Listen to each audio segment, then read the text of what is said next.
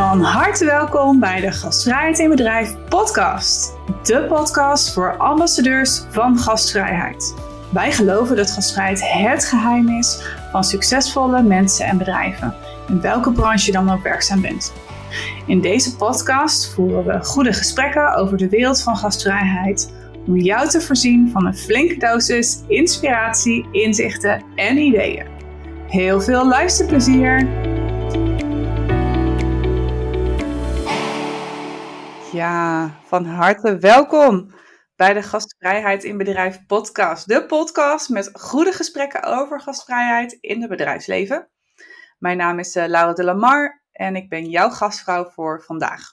Vandaag gaan we in gesprek met uh, Pauline Sterenborg over het belang van gastvrijheid in de zorg en haar ervaring in de transformatie van tandarts naar gastvrijheidstrainer. Een aantal jaar geleden ontmoette ik Pauline tijdens het eh, Gastvrijheidsfestival. En ze is mij na dat gesprek uh, bijgebleven. Want haar passie voor gastvrijheid en specifiek in de tandartspraktijk, ja, het was zo groot dat we eigenlijk ja, heel lang contact hebben gehouden. En na een aantal jaar nu, nu zelfs al twee jaar met elkaar uh, samenwerken. Dus ik ga jou alles vragen over jouw mening en ervaringen, Pauline. Leuk. Um, voor degenen die jou nog niet kennen, zou jij jezelf willen voorstellen? Met alle plezier. Uh, Paulien Sterenborg, had je al gezegd. Een heel mensenleven geleden in 1988 afgestudeerd als standaard in Groningen. En bijna 30 jaar uh, mijn eigen praktijk gehad uh, in Gorkum. Uh, samen met mijn echtgenoot. eerst begonnen met één assistente, uiteindelijk gegroeid naar zes behandelkamers, een team van 18 mensen en heel veel patiënten die mij al die 30 jaar heel trouw gebleven zijn. Uh, tot ik artrose kreeg in mijn handen. En zeker mijn rechterduim was het grootste probleem. Krachtverlies, functieverlies. En dan kun je nog heel veel dingen wel. Maar die boor vasthouden is geen goed idee meer. Mm. En um, dat was het moment dat ik over de 50 um, ehm, geconfronteerd werd met het feit van ik kan dit werk niet meer doen. Um, maar tegelijkertijd ook kansen zag om op een andere manier uh, dit mooie vak te dienen, zeg maar. Ja, dus ik heb wel heel bewust de keuze gemaakt om volledig uit de praktijk te stappen. Dat wow. was lastig, dat was, dat was uh, schakelen, want anders ben je heel erg in die trechter opgeleid. En ja, het is eigenlijk maar één kunstje dat je kunt, als ik het heel plat sla. Mm-hmm. Tandartsen mee tekort door en mezelf ook voor die 30 jaar. Maar um, uh, het heeft ook wel even geduurd om anders en groter te kunnen denken, maar inmiddels ben ik daar wel, ja. Wauw, ja. ja, nou daar, daar ben ik heel erg uh, benieuwd naar wat daar je ervaringen in, uh, in zijn. Uh, maar ja, je bent nu helemaal gefocust op gastvrijheid als thema. Kun je wat meer vertellen over hoe je die passie hebt ontdekt? Ja, dat, dat is eigenlijk heel grappig, want ik denk dat ik dat 30 jaar in mijn praktijk toegepast heb. Eh, gastvrije zorg, gastvrije zorg verlenen. Um, maar volledig zonder me er bewust van te zijn. Met de kennis van nu zeg ik, ik was onbewust bekwaam. Um, het was helemaal geen thema. En toen ik stopte, um, toen werd het eigenlijk pas een thema. Of toen werd ik me bewust van het feit dat het een thema was. Want ik ben door die patiënten die zo lang bij mij, nou ja, gemiddeld twee keer per jaar uh, in de stoel kwamen, um, door heel veel mensen bedankt, sterkte gewenst, een briefje, een kaartje, een cadeautje. En daar stond nergens een opmerking over een mooie vulling, of een knappe wortelkanaalbehandeling, of een goede kroon. Mensen bedankten mij uh, voor um, luisteren, voor tijd nemen, voor uh, aandacht geven. Eén uh, briefje in het bijzonder is mij bijgebleven van een, een, een, dame op hoge leeftijd die zei: Ik heb me bij jou altijd zo veilig gevoeld als mm. ik bij jou in de stoel was. En Weet je, dat zijn dingen die, die, die maakten heel veel indruk op mij. Ik kan het laatste stukje nu vertellen zonder dat het hier gaat trillen. Want heel lang emotioneerde me dat heel oh, ja. Ik denk, wauw, dat je voor mensen dat betekend kunt hebben.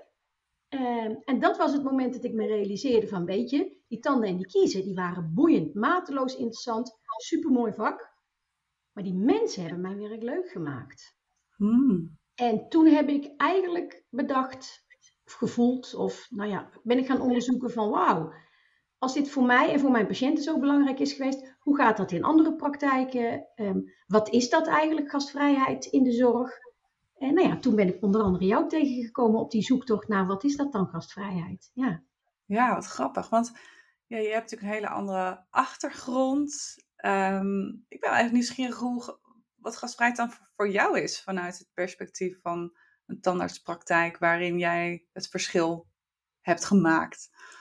ik denk dat de kern is die persoonlijke aandacht. Hè? Mensen aandacht geven, luisteren. Maar voor mij is de, is, is, is de, ehm, de kern van, uh, van gastvrijheid, als, als, als je zegt van noemen ze een samenvatting of een, of een definitie, is het mhm. ehm, gezien, gehoord, begrepen voelen en vooral ook veilig en op je gemak voelen, jezelf kunnen zijn. En ehm, als je, nou ja, weet je, dat is superleuk als je dat ervaart als je in een hotel ergens eh, te gast bent. Of als je in een winkel een leuk jurkje gaat kopen. Oh, leuk, ze kijken naar me en ze begrijpen precies wat ik bedoel. Mhm. Volgens mij is het, nou dat is niet volgens mij, ik vind dat het in de zorg echt um, een basisvoorwaarde is. Al die dingen die ik noem, gezien, gehoord, begrepen en veilig voelen, op je gemak zijn. Um, als ik aan mensen vertel welke switch ik nu gemaakt heb, dan is het eerst van, oh wat zielig dat je dat werk niet meer kunt doen. En wat doe je nu? Hoezo gastvrijheid in de zorg? We zijn hier toch geen hotel? Ja. right. Nee, in een hotel is het leuk als je gastvrijheid ervaart. In de zorg is het voor mij absolute basisvoorwaarde voor goede zorg. Ah, ja, want ik denk dat, dat sommige mensen het ook wel zien als een soort van extraatje. Of als ik nou, een zorgorganisatie spreek, die denken, nou ja, dat is een leuke, leuk extraatje. Maar voor jou is het zelfs een basisvoorwaarde. Waarom is het zo belangrijk? Uh, nou, het, het, het keiharde argument wat ik daarvoor kan geven is dat wetenschappelijk bewezen is dat als een patiënt vertrouwen heeft in de zorgprofessional, in het behandelplan, in de medicatie, dat je op 50% van je uh, herstel bent. En als je op 50% van je herstel bent, dan is die andere 50% nog steeds super belangrijk dat dat goed gebeurt. Maar uh, uh, die 50% die, die, die je niet haalt als dat contact er niet is, mm ja, die, die haal je niet in met alleen maar goede zorg. En ik hmm. denk dat in, in heel veel zorginstellingen ehm, processen, protocollen, richtlijnen, um, werkdruk niet te vergeten, hè? Ja. Ehm, eh, soms verhinderen dat er aan die eerste 50% gewerkt wordt. Ja, wauw. En eh, waarom, want het is natuurlijk, hè, bij heel veel branches is die veiligheid helemaal geen, uh, geen issue. Of tenminste, daar ga je vanuit dat dat gewoon heel goed georganiseerd is. Hoe komt het dat dat met name dan in de tandartspraktijk van de zorg zo'n belangrijk issue is? Um, nou ja, weet je, um, ik, ik, denk dat dat. Um, ik denk dat het overal belangrijk is, maar mm Ehm, ik vind dit een lastige vraag. Ik denk dat als je. Waarom is het hier nou juist belangrijk? Dat, dat is dat, dat, dat veilig voelen, dat gehoord gezien voelen. Dat je weet dat je mens bent en niet een mhm. casus of een kies. Ja. Ehm, eh, dat is de, de, de, de basisvoorwaarde om ehm, je over te leveren, om vertrouwen te krijgen. Ja. En als jij je als patiënt als mens durft over te leveren aan die zorgprofessional die voor jou gaat zorgen, mhm. dan ben je dus al op die 50% van genezing.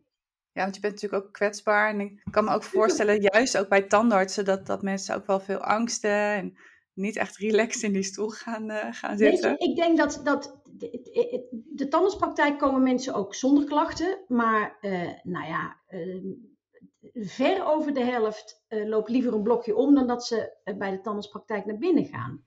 Dan mhm. gaan de meeste mensen gelukkig wel naar binnen.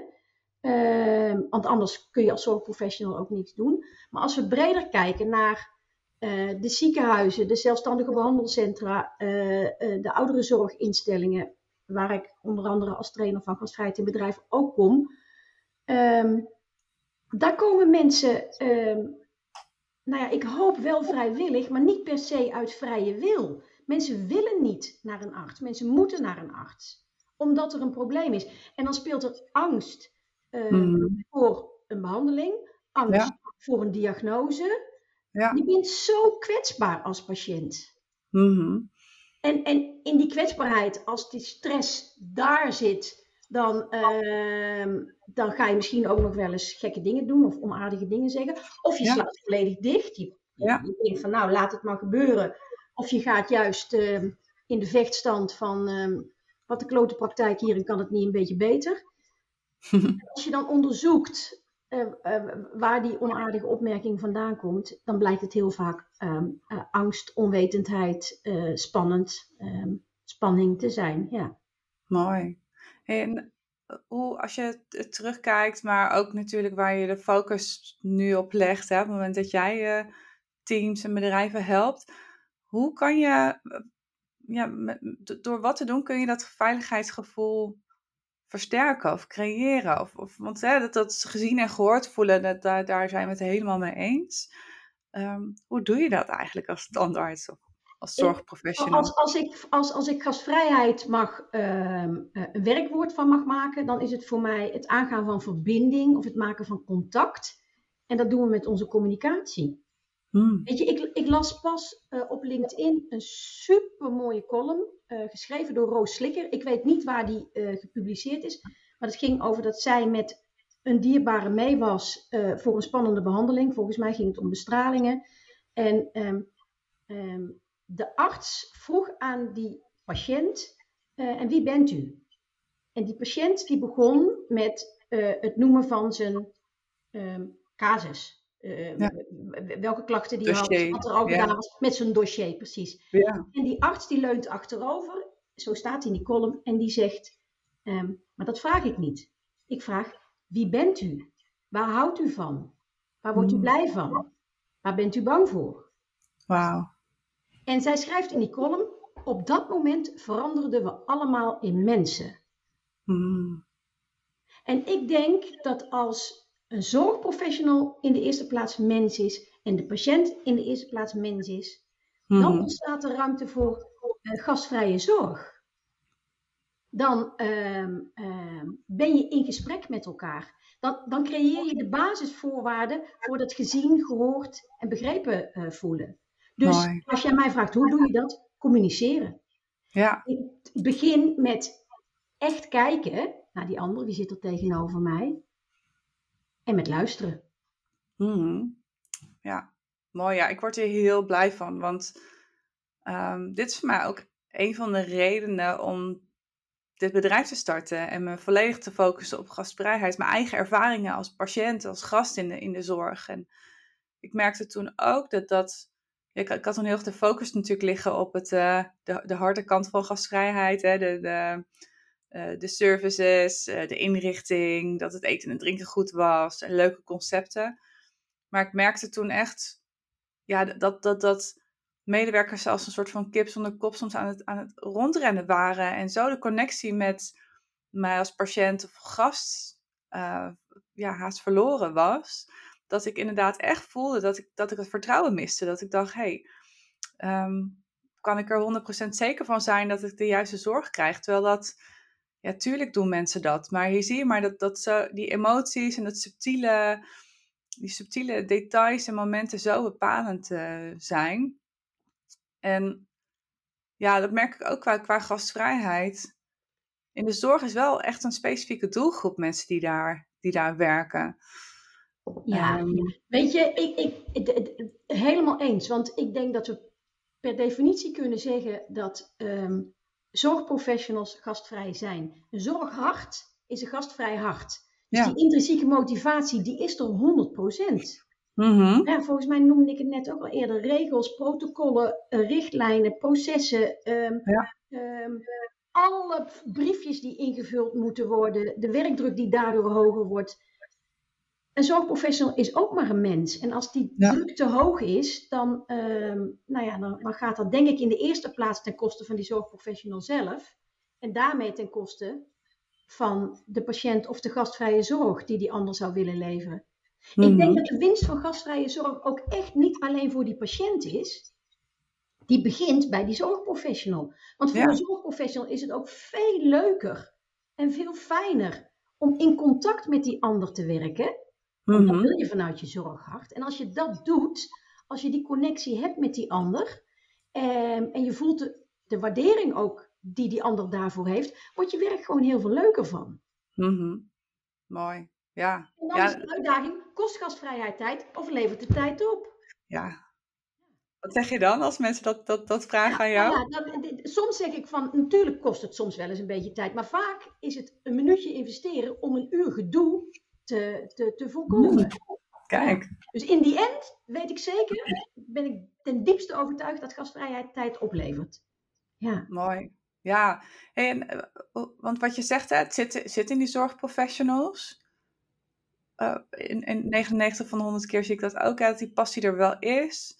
Eh, maar dat, dat men zo geleefd wordt door de organisatie daar om, omheen. Ehm, dus, ja, je, bent natuurlijk ook nu de overstap eh, ben je gaan maken. Niet alleen om gastvrijheid bij de tandartsenpraktijken te Ja. vergroten, maar ook breder binnen de, de zorg.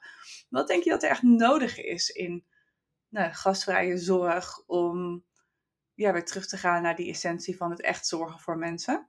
Wat denk je dat er nodig is? Ehm, behalve tijd, die wij ze niet kunnen, kunnen, kunnen geven, eh, denk ik eh, dat wat nodig is, dat ehm, ehm, het, het begint intern. Het begint, wat ik net zei, hè, die, die zorgprofessional, ben ik echt van overtuigd, dat zorghart, die intrinsieke motivatie, die is er echt.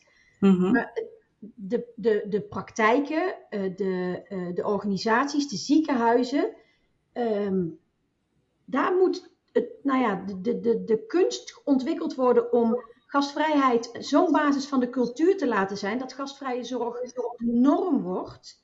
ehm, dat je dat met elkaar faciliteert en dan kan het naar extern, naar die patiënt. Mhm. En dat betekent al dat je elkaar aanspreekt op ehm, als je een, eh, een gesprek hebt met een patiënt.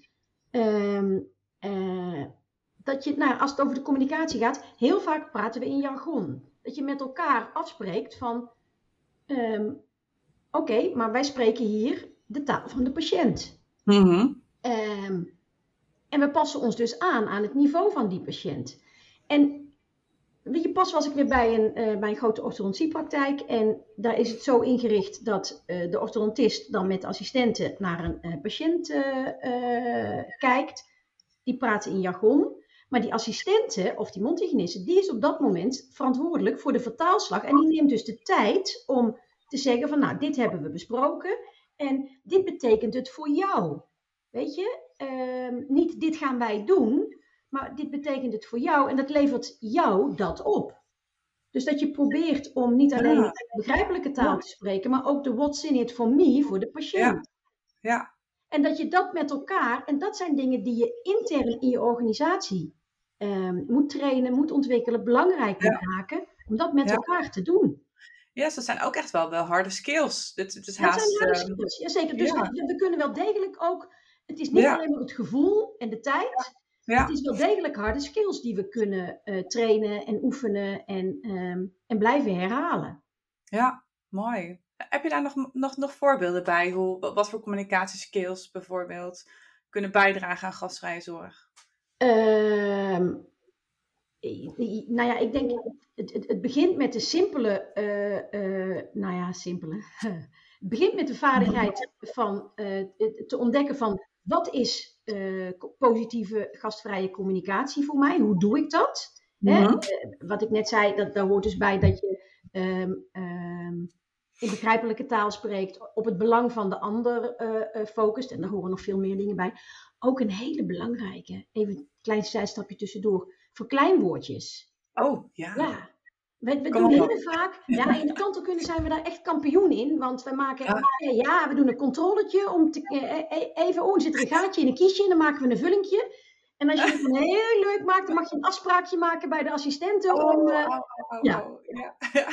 Net als een mooi wijntje. Ja. Ja, precies. Ja, dat. Ja, dat. En, en, maar pas las ik op, ehm, of zag ik, er is een nieuwe serie nu op televisie over verloskunde, dag en nacht. Die volg ik met hele grote belangstelling, omdat daar de communicatie echt super eh, mooi uitgewerkt eh, is. Maar er kwam een dame, dat was een medewerker van de afdeling zelf, moest voor een eh, klacht naar een gynaecoloog. En die gynaecoloog zei, oh dan neem ik even een biopje.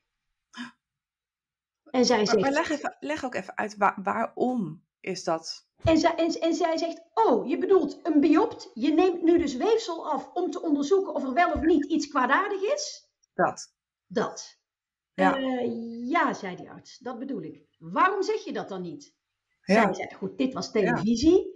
Ja. Maar heel vaak gaan we ook een beetje omvloerst en met verkleinwoordjes dingen zeggen. En dan denk ik, ja, dat is geen positieve communicatie. Dan probeer Nee. je met aardige woorden dingen te verbloemen. Dus Mhm. die, die, die, die communicatie, dat, dat zijn echt wel degelijk hard skills die, we, eh, die we kunnen trainen.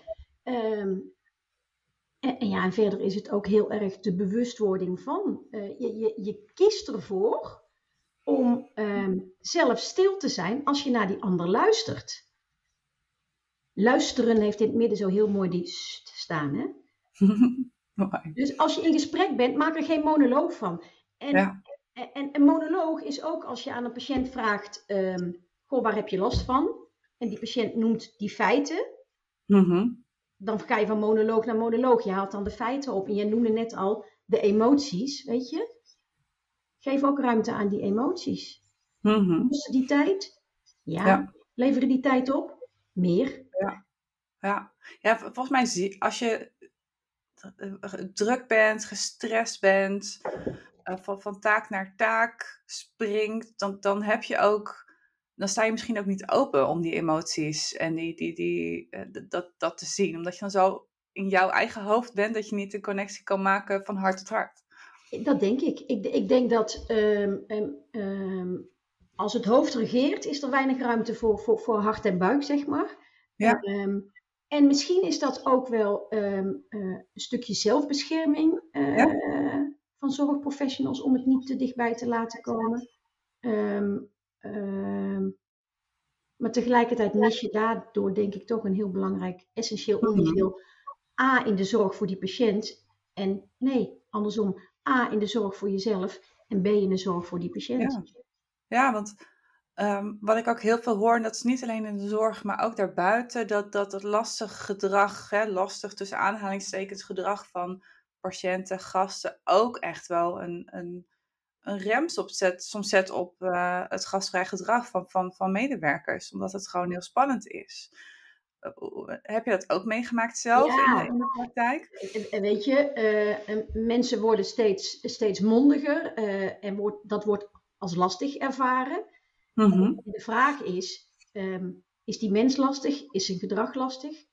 Of zit er in jouw gereedschapskist simpelweg niet het instrument om met dat lastige gedrag om te gaan?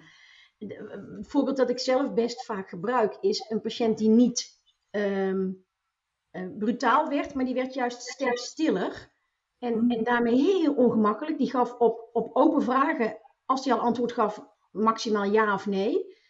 Mijn copingmechanisme om contact te maken is praten, babbelen. En of dat nou over het weer is of over die behandeling die ik moet gaan doen, dat maakt er niet uit. Maar ik, eh, of, of over iets anders, of over het huis. Nou ja, goed, weet je, je bent net verhuisd. Maakt niet uit wat, iets persoonlijks. Ik vond daar totaal geen aansluiting. En ehm, die man die werd zo stug en ongemakkelijk dat mijn assistent op een gegeven moment zei, haal ik niet meer naar binnen. Ik denk, oké, nou gaat er toch echt iets eh, ehm, wezenlijk fout in, in, in hoe wij met deze man omgaan. Dus ik heb die man zelf naar binnen gehaald en ik zei, ik weet niet wat er precies is, maar ik merk dat het, het contact tussen ons, voor mij wordt dat langzaam steeds, steeds stroever. En ehm, ehm, heb je nog vertrouwen in ons als tandartspraktijk? En toen zei hij, ik heb heel veel vertrouwen, anders was ik hier al lang niet meer geweest. Maar ik ben gewoon heel erg bang voor de tandarts, zegt hij. En dan gaan jullie hier een beetje lopen babbelen. Staat die radio hier ook nog aan. En ik moet steeds harder mijn best doen om me te focussen op mijn eigen angst. En toen dacht ik echt, toen ben ik achterover gaan leunen. En ik denk, zo, jeetje Paulien, dat Ja. je dit in al die stapjes dat we tot hier zijn gekomen niet eerder aan hebt zien komen. Ja, Oké. Ik ben natuurlijk ook niet altijd perfect gastvrij geweest. Hè? Ik wil eh, Nee. onderweg ook een hele hoop fouten gemaakt en van geleerd. Want ik heb Dat- deze man gevraagd. Ik zeg, hoe kan ik je helpen? Wat Ja. heb je van mij nodig om met die angst om te gaan? Nou ja, behalve je goede zorg, zei hij, want daar vertrouw ik op. eh, zou het heel fijn zijn als je begint met de radio uit te zetten. Oké, dat was heel makkelijk. En stop met dat gebabbel. Ik heb gezegd, ik zeg, oké, daar ga ik mijn best voor doen. Dat is een uitdaging voor mij, maar het is gelukt. En ik denk dat we drie consulten verder waren. Dat hij, nadat hij van de stoel afstapte, want toen was hij natuurlijk weer ontspannen, begon hij zelf te babbelen. Want we zaten op dezelfde tennisclub. En daar begon hij een praatje over. En ehm, toen ik stopte, toen kreeg ik van hem een supermooi boek. Met tekeningen die hij zelf gemaakt had. Met eh, op de voorkant eigenlijk het bedankje en de opdracht. Dankjewel voor die ene vraag die je gesteld hebt. En ehm, help andere praktijken om ook te, echt, echt te kijken naar hun patiënten. Naar de mens die die patiënt is. Ja, dus dat zijn de voorbeelden. En deze man was dus helemaal niet lastig, hè? Die betaalde zijn rekening op tijd, poetste twee keer per dag zijn tanden, kwam keurig op tijd op de afspraak, kwam ook twee keer per jaar. En toch vonden wij hem in de praktijk lastig. Ja. En dan zit er ook zo'n etiketje op, zo'n soort geeltje dat erop zit van ja, lastig. Lastig. Haal ja. het niet meer binnen. Ja.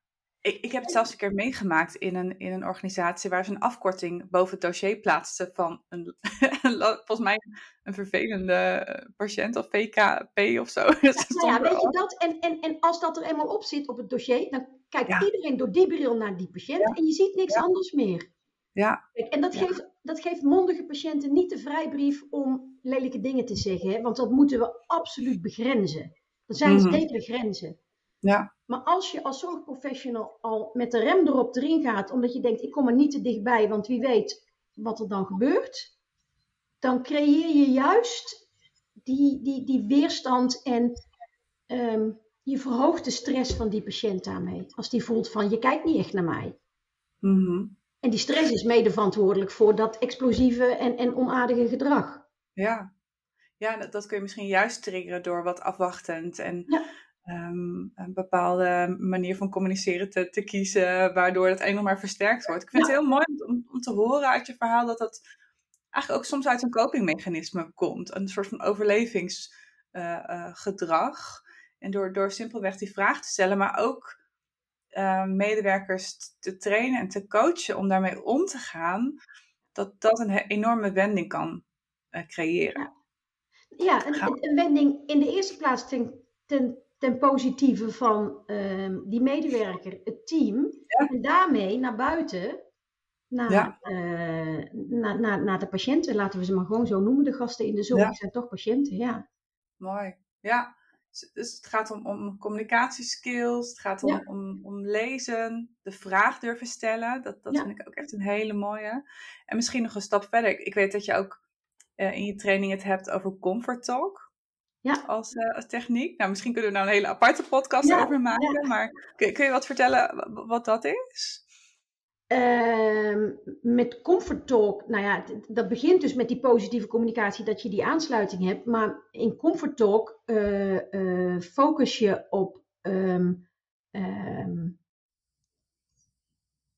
positieve dingen voor die patiënt. Je, je, je vermijdt woorden als, dit gaat nu even pijn doen. Ehm, je, zeker, je moet altijd eerlijk blijven. Maar in comfort talk zeg je van, oh wat zit je ontzettend goed stil, we zijn al bijna klaar. Ah, Dus ehm, je, je, je, je, je benoemt daar ehm, eigenlijk ook waar die patiënt zelf invloed heeft, eh, hoe die zelf positief mee kan werken. Daar mhm. leg je de nadruk op. Ja, En eh, je, verwijt, je vermijdt woorden als eh, pijn en, ehm, en vies. En, in, de, in, de, in de tandartspraktijk er komen nogal wat vieze smaakjes door die mond. En ja, als je zegt van ja, dit is even vies, dan zet je vies al aan. ja. Dat is wat er Dan proef je ook meer vies. Ja, precies, dan proef je ook vies, ja. Eh, hè, en eh, als je zegt, het is nu even nat, omdat je iets gaat sprayen. Nou ja, dan, Mm. dan, dan ervaren patiënten nat. Eh, Ja. Ja. Dus eigenlijk door je woorden kan je ook al heel erg beleving sturen. ja, Mooi. Gaaf. ja. Nou, er is nog werk aan de winkel. Communicatie, eh, Ja. eh, eh, het zorghart van iedere professional zit al goed. Maar hoe zit het met je interne Ja. gastvrijheid? Hoe krijg je de ruimte om aandacht te besteden aan je patiënten? Hoe doen we dat als team? Mhm. En dan naar buiten toe, ja. Ik, ik ben wel nieuwsgierig naar nou, die stap die je nu gezet hebt, hè, om niet, niet meer in de praktijk te werken, maar aan praktijken te werken en train, te trainen in de, in de praktijk. Ik ben heel erg benieuwd wat dat jou als mens oplevert. Wat, dat jou, wat daar voor jou de, de drijfveer nu, nu is om dit te doen. Uh, oh, dat is een hele mooie vraag. Ik, uh, ik niet zeg... voorbereid. Nee, nee, dat maakt helemaal niks uit. Maar ik zeg wel eens, uh, want ik denk hier natuurlijk zelf wel eens over na. Want mm -hmm. in die vijf jaar dat ik nu uit de praktijk ben, heb ik denk ik meer over mezelf geleerd dan in die dertig jaar daarvoor. Ah. 50 jaar daarvoor misschien wel. Als we het morgen weer zouden doen, die handen, uh, dat is utopie, dat gaat niet gebeuren. Uh, dan ga ik één dag in de maand terug naar de praktijk, omdat ik mijn patiënten mis, omdat ik patiënt, contact met patiënten mis, omdat ik het werken in mijn team mis, want het was echt heel fijn. Uh, maar dat doe ik één dag in de maand. En die andere dagen blijf ik bezig met wat ik nu doe. Want de passie die ik hiervoor voel, die zit nog veel dieper dan hoe mijn standen en kiezen waren. Dit, is zo, dit zit zo in, in al mijn vezels. Ik ben er zo van overtuigd dat die rugzak die ik vol ervaring en expertise heb, een, een ontzettende steun in de rug is om dat aan anderen ook duidelijk te maken van jongens, dit doe je niet voor je patiënt, ja ook, maar dit doe je vooral voor jezelf. Je werk wordt er leuker van en er is in de zorg dan nog zoveel winst te behalen. Ja. Mm. ja. Mooi. Dus het heeft mij als mens verrijkt. Ja. Kijk, het gaat om te horen. Ja. Hey, de tijd vliegt uh, voorbij. We ja. kunnen nog uren hierover Ja, wij wel zo, ja. ja. maar uh, misschien wil je, is er nog iets wat je, wat je nog wilt delen, iets wat ik nog gemist heb. Of misschien een soort van gouden tip die je mee wil geven aan nou, praktijken of zorgorganisaties die hun gastvrijheid willen vergroten. Nou ja, die, die, voor die gouden tip. Um, ik denk dat de, de allerbelangrijkste tip is, durf eens heel kritisch naar jezelf te kijken door de ogen van de patiënt. Hoe ziet die patiënt jullie? Want als je processen, je protocollen, je richtlijnen op orde zijn, dan zegt die inspecteur toppraktijk. Maar hoe is het als je als patiënt binnenkomt in jouw praktijk? Durf daar eens naar te kijken met elkaar. En dat is meteen een hele moeilijke uitdaging, want alles is zo vanzelfsprekend in je werk dat het heel moeilijk is om door de ogen van de ander te kijken. Maar ik denk dat als het je lukt, um, dan ga je ook zien wat doen we goed en waar zitten onze verbeterpunten? En zijn die verbeterpunten dingen waar we intern aan moeten gaan werken? Gaan we onze interne gastvrijheid verbeteren? Of zijn het die skills, die hard skills communicatie? Hoe, ga, hoe doen we comfort talk? Hoe, hoe, hoe, is positieve gastvrije communicatie? Nou ja, dan kom je bij het trainen van, van, van hard skills uit. Dus, um, en hou daarbij bij alles in je achterhoofd dat dat wetenschappelijke bewijs er is ja. Als die patiënt vertrouwen heeft in jou als zorgprofessional, dat je al op 50% van je herstel bent. Dus het, niet, het is niet zomaar iets wat alleen maar voor de leuk is. Nou, dat is, is zeker belangrijk. Ja. Mooi, mooi. Nou, heel gaaf. We zullen de, de, nou, de, referenties die je hebt gedaan, hè, misschien dat, dat, dat onderzoek uh, en andere dingen die je genoemd hebt, zullen we in de show notes uh, zetten. Dus check vooral de show notes voor, voor alle linkjes als je hier nog dieper op in wil gaan. En um, nou, een, een van de volgende podcasts gaan we wat dieper in op wat, wat thema's zoals die interne gastvrijheid. Want ik hoor je denken, wat is dat? Nou, daar gaan we zeker meer over vertellen. Uh, maar voor nu wil ik je hartelijk bedanken voor het uh, luisteren. Heel graag tot de volgende keer in de volgende aflevering. Bedankt voor het luisteren naar de Gastvrijheid in Bedrijf podcast. We hopen dat je hebt genoten van ons gesprek en dat je klaar bent om jouw gastvrijheid naar een hoger level te tillen. Ken jij andere mensen die ook een passie voor gastvrijheid hebben? Deel dan deze aflevering en help zo anderen bij het creëren van een geweldige ervaring voor gasten en medewerkers. Vergeet niet om je te abonneren op onze podcast en om ons te volgen op social media, zodat je altijd op de hoogte blijft van nieuwe afleveringen en updates. Maar wil je meer weten over gastvrijheid? Ga dan naar www.gastvrijheidinbedrijf.nl voor meer inspiratie en tools. Nog ontzettend bedankt voor het luisteren en heel graag tot de volgende keer.